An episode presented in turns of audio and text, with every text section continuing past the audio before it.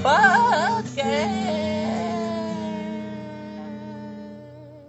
Satu, dua, tiga. Seperti mati lampu.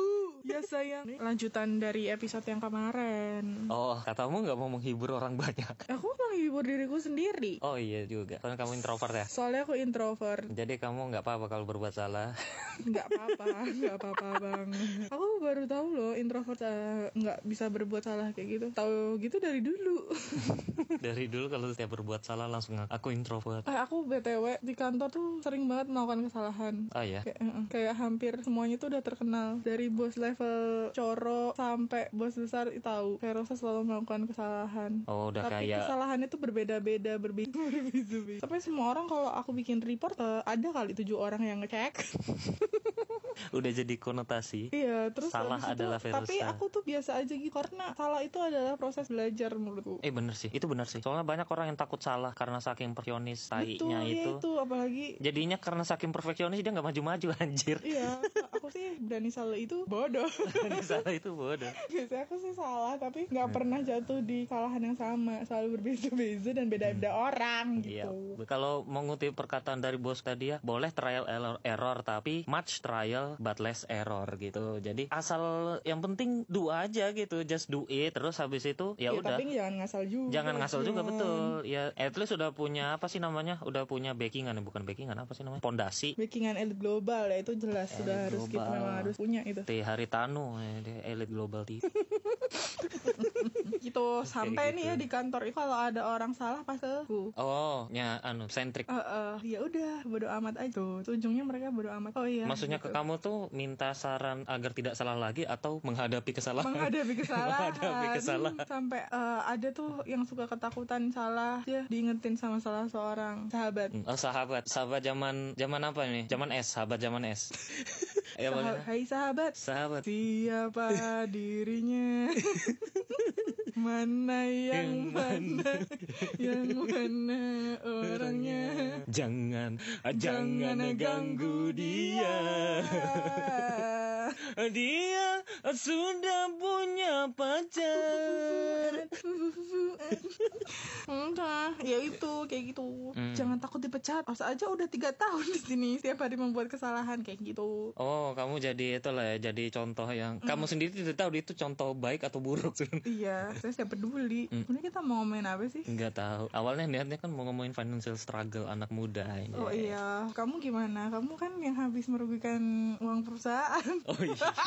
Ya nggak usah dibawa ke sini Oh, juga. iya, iya, dong. juga. Iyalah. Sering. Aku BTW udah kerja lumayan lama. Hmm. Kuliah tuh udah nabung-nabung gitu dari beasiswa ke beasiswa yang lain. Mm-mm. dari ngasih sen ke sen matul yang lain jadi sebenarnya uang tuh eh ca- belajar cari duit tuh dari dulu banget Bagus ya. Aku tuh terbiasa dari dulu tuh yang namanya uang itu tuh gaji karena kan dulu sumber pemasukan kan dari ayah, ayah seorang nih. Jadi yang namanya bisnis itu emang dari dulu tuh nggak pernah kenal yang namanya bisnis gitu. Pokoknya yang namanya duit itu ya datangnya sebulan sekali. Itulah sama atau enggak kalau ada bonus ya emang dari kecil tuh bukan diajarin cuma udah terbiasa jadinya. Terbiasa jadinya kalau yang namanya duit itu adalah ya yang datang tiap bulan kali kayak gitu. Terus akhir-akhir ini ya bukan akhir-akhir ini sih. jadi dulu kamu jajan sebulan sekali uang jajan Enggak tiap hari ya di itulah di apa sih namanya dibagi-bagi sama ibu kan pos-pos gitu sama dia. Jadi emang tiap ayah gajian tuh sama ibu tuh langsung dibagi gitu diamplopin sama dia soalnya kan cash kan dulu kan. Ah, Nah, duit cash terus jadinya tuh sama dia tuh misalnya gaji 3 juta gitu terus sama dia tuh udah di percentage tuh masing-masing posnya misalnya ada pos darurat terus ada pos apa sih namanya belanja bulanan terus ada pos apa sih namanya kamling pos kamling, ada pos Yandu, terus ada pos Indonesia. Nah, habis itu ya udah dibagi-bagi sama dia tuh. Nah, aku yang bagian belanja bulanan kalau nggak salah. Hmm, jadi kamu Sama- membantu rumah tangga iya sebenarnya kayak kan maksudnya Hmm, maksudnya gimana? kamu tadi kamu yang belanja Bukan, jadi Oh, maksudnya duit oh, jajan oh, itu oh, tuh oh. dari situ posnya. Kayak gitu. Itu ya tiap orang kayaknya menurutku punya tip apa punya masnya sih, punya cara masing-masing untuk terus dari nge-manage. ya, terus dari situ apa yang kamu ambil Yang aku ambil akhirnya adalah eh, yang namanya duit tuh sebenarnya kapan pun bisa kamu dapat sih sebenarnya. Apa pun tuh bisa diusahain biar dapat duit. Cuma karena udah terbiasa dari dulu itu nggak nggak terbiasa melakukan hal itu jadinya pas besar itu tuh eh, struggle sendiri jadinya. Struggle secara mental terutama karena emang dari kecil nggak dibiasain untuk jualan atau apa sih namanya mengusahakan sesuatu. Dulu tuh eh, untuk beli HP itu tuh emang nyisihin dari duit yang dikasih. Jadi bukan aku apa sih nyari duit sendiri terus beli HP gitu. Jadinya emang selalu apa sih jadinya emang terbiasa untuk rely duit dari orang lain gitu. Sekarang begitu punya duit sendiri akhirnya nggak apa sih jadinya ya nggak terbiasa bukan nggak terbiasa sih. Jadinya agak teteran secara mental. Satu Hmm, gitu. hmm kalau kamu sendiri Aku sendiri, aku sendiri.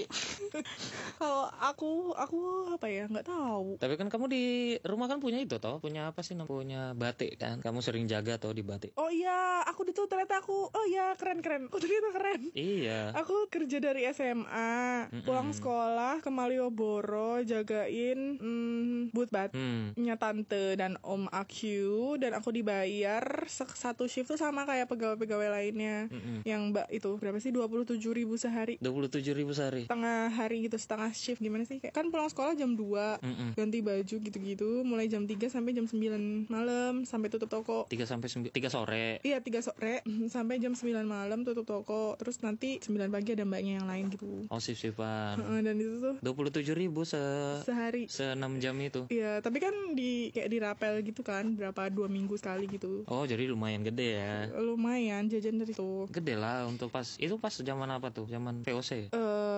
hmm, zaman apa ya ya udah nggak bisa ngelucu Gak bisa ngelucu. itu kelas berapa ya, SMA ya kelas 2 sama kelas 3 terus sebelumnya tuh aku jualan pulsa nah itu pertama kali belajar rugi Belajar rugi. Aku baru mau bilang belajar cuan, nah, ternyata malah belajar rugi. belajar rugi karena, Karena kan kamu yang dimodalin sendiri. kan, dimodalin pertama tahun pertama tuh aku pakai sendiri kedua teman-teman tuh pada utang kan terus bayarnya tuh Hmm. pas istirahat Hmm. kayak masa ini kayak gitu oh iya terus tak kantongin di ini saku osis Oh, sakosis. Terus kan aku jalan ke kantin, ya udah itu tak belanjain oh. gitu. Jadi hilang duitnya pas udah hari H, due date sama omku di mana ininya Ah, hasil penjualan yang kemarin kayak oh nggak tahu gitu. Walah. Gitu. Terus pas kuliah kan aku kuliahnya abroad. Hmm. Jadi Berat dari Jogja. Uang bulanan tuh awal-awal tuh sebulan kasih berapa ya sejuta seminggu apa dua minggu gitu habis terus tak hitung-hitung kan PNS aja orang-orang kerja aja tuh ada bonus gaji ke-13 itu tuh kan kayak apa namanya bayar ini kan sebenarnya Bayar apa? apa sih kan 28 hari Iya. kan Mm-mm. Terus ada sisa-sisanya itu loh yang tanggal 30 31 nya itu disatuin jadi gaji ke-13 kan sebenarnya Mosok. iyalah iya baru tahu Oh, aku baru tahu, baru tahu. Oh. Terus oke. habis itu kenapa nggak mingguan aja ya gitu Terus jadi setiap Senin aku dikasih uang Itu hitungannya lebih banyak Dan aku lebih gampang ngiritnya itu seharusnya. Seharusnya Plus plus plus ngasih stand plus kerja-kerja gitu lumayan banyak tahu aku dapatnya Mm-mm. Tapi tetap aja Hidup sendiri tuh berat banget coy Di rantau Betul, pakat. Soalnya banyak hal-hal yang apa sih yang kita beli untuk mengobati mental kita gitu nggak sih? Hmm. Needs, maksudnya menurutku sekarang tuh financial struggle yang kita alami karena anak muda itu udah kenal yang namanya eh, selain physical needs, tapi juga apa sih namanya psychological needs gitu. Kayak apa tuh maksudnya Kayak misalnya yang seneng jalan-jalan ya jadinya nabung buat jalan-jalan gitu. Menurutku itu tuh kan nggak ada barang, tapi kan kita beda sama yang generasi X tuh. Generasi X kan pokoknya yang namanya uang itu tuh harus jadi barang gitu loh. Either itu rumah, mobil gitu, Aset sesuatu lah, aset. aset, eh, sesuatu yang kelihatan lah. Oh iya iya. Dan mereka tuh sangat, menurutku sangat jarang ada generasi X yang concern soal psychological needs dia gitu. Makanya hal-hal yang berbau psikis itu tuh rada tabu di mata mereka dulu ya kan. Kayak baru-baru sekarang gitu loh menurutku yang apa sih di mata kita tuh yang sebenarnya biasa mata generasi X. Eh, nggak biasa di zaman mereka tuh kayak kita bahas soal suicidal thoughts kayak gitu. Nah kalau kita tuh kita udah concern sama hal itu, tapi kita masih yang namanya alay akan hal itu gitu. Jadi kayak kalau misalnya kita marah terus 10 menit kemudian kita seneng, kita langsung anggap kita Introvert Bukan bipolar. Kita langsung ngerasa kita bipolar. Padahal itu gak gak sem- gak sehar apa sih namanya gak serta merta kalau kamu apa sih moodnya naik turun naik turun itu gara-gara kamu kayak gitu gitu loh. Nah balik lagi soal finansial. Nah itu sih anak muda tuh eh, kesusah menurutku salah satu kesusahan kita untuk bisa punya rumah. Kok jadi punya rumah Iya punya rumah karena kan itu menurutku gol tanda kutip gol apa sih finansial Indonesia nggak sih? Anak muda tuh susah punya rumah karena mereka hmm, karena kita bukan mereka karena kita itu lebih milih un- untuk have fun daripada punya rumah tapi have set apa sih have set? Enggak sih, enggak juga Pengen pasti anak-anak Pasti pengen, aku rumah. tahu pasti pengen Cuman cuma udah nyerah duluan ribuan dan emang karena Benar. harganya itu bajingan Harganya, aduh iya, naiknya tuh. Jadi yang aku tahu ya itu tuh harga rumah itu tuh naiknya apa sih kenaikan gaji kita tuh nggak sebanding sama kenaikan harga rumah cuy. Jadi Iya. kayaknya mau sampai kapan kita nggak bakal punya rumah gitulah kasarnya. Kecuali kita doing apa sih bisnis yang bisa berkali-kali lipat gitu yang akhirnya kita ngejar inflasi rumah ini gitu. Jadi secara grafik tuh nggak masuk akal. ya masuk akal lah udah kayak covid lah ini grafik rumah tuh. Susah kita ngejarnya. Nah, itu mah doa ibu aja deh anak milenial beli rumah.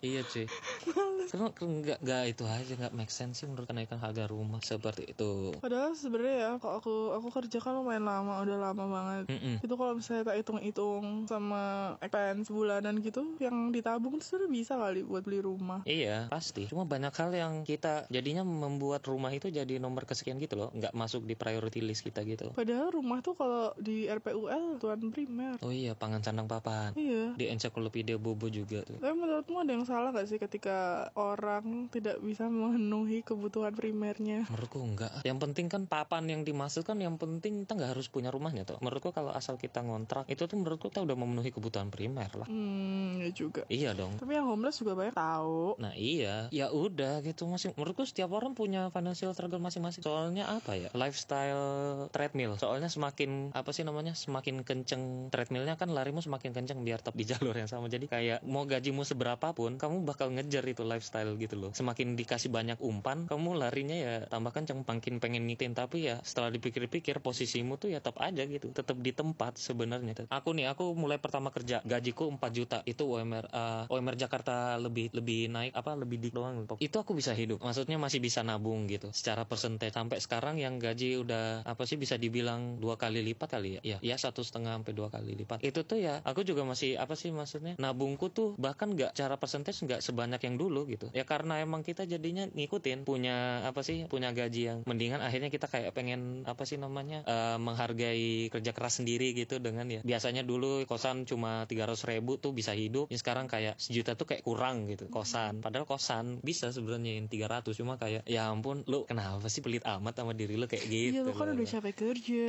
Iya lu kan udah capek kerja. Tapi itu benar sih.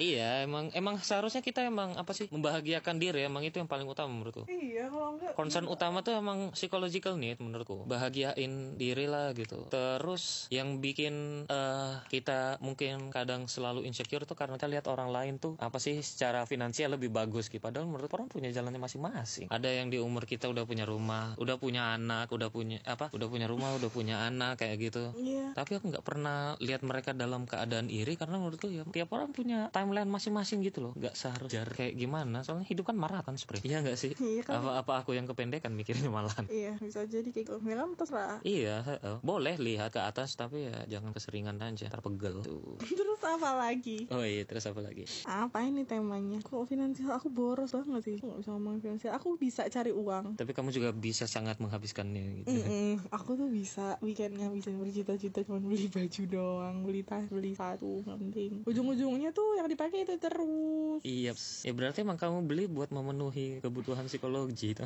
Mm-mm. tapi itu waktu awal-awal kerja tuh aku janji pokoknya tahun ini aku gak mau nabung tahun ini aku mau pas tahun pertama kerja tahun pertama kerja aku mau beli semua make up yang mahal-mahal mau beli semuanya mau beli sepatu sama tas yang mahal udah kan Mm-mm. Padahal gaji masih pas-pasan dan kadang gaji telat Tapi tetap beli-beli aja tuh Tetap liburan Hmm. Habis itu pas 2 tahun kedua mulai nabung Meskipun susah banget buat mulainya ternyata guys banget banget. Yang penting mulai aja dulu. Berapapun jumlahnya sih menurut soal kebiasaannya kan kalau nabung. Mm-mm. Dan sampai sekarang tuh susah banget Sampai di kantor tuh aku sering dinasehatin gitu loh Nabung sih, nabung sih gitu Kalau jalan-jalan mulus Waduh Betul. Iya, duit duit kamu. Mm-mm. Eh, gimana ya? Lebih kamu pasti lebih mikir kayak eh, kalau misalnya punya apa sih namanya? Punya mobil atau punya rumah tapi nyesel karena nggak pernah jalan-jalan tuh, kamu akhirnya lebih milih untuk apa sih? Tidak nyesel kalau nggak jalan-jalan gitu. Mm-mm. Iya kan? Soalnya aku prinsipnya tuh Eh, tidak kemarin nyesel kalau gimana sih eh, masih muda punya banyak waktu punya banyak energi punya uang juga ya udah kenapa nggak dihabis nanti kalau tua udah Hmm. punya banyak waktu nggak punya banyak energi Iya, bakal ngikut sih menurutku selama spendnya maksudnya nggak nggak terlalu berantakan ya. Maksudnya karma does exist kok. Kalau emang duitnya untuk apa sih memenuhi kebutuhan-kebutuhan psikis. Kalau misalnya kita seneng bantu orang terus jadinya ya kita menghabiskan apa sih kita nyisihin seba, apa berapa persen dari pemasukan kita untuk bantu orang. Karma does exist kok. Akan akan ngitin sih. eh ngomongin sedekah aku tuh nggak pernah nggak persen persenin tapi Hmm. ya udah gitu tiba-tiba kadang segini segini gini gitu nggak kerasa tapi ternyata masih bisa nabung. Mm-mm. padahal lumayan Saya ya lumayan gitu yang diinfakin. Nah, atau Tapi apa pun lah namanya. masih cukup buat makan buat beli barang-barang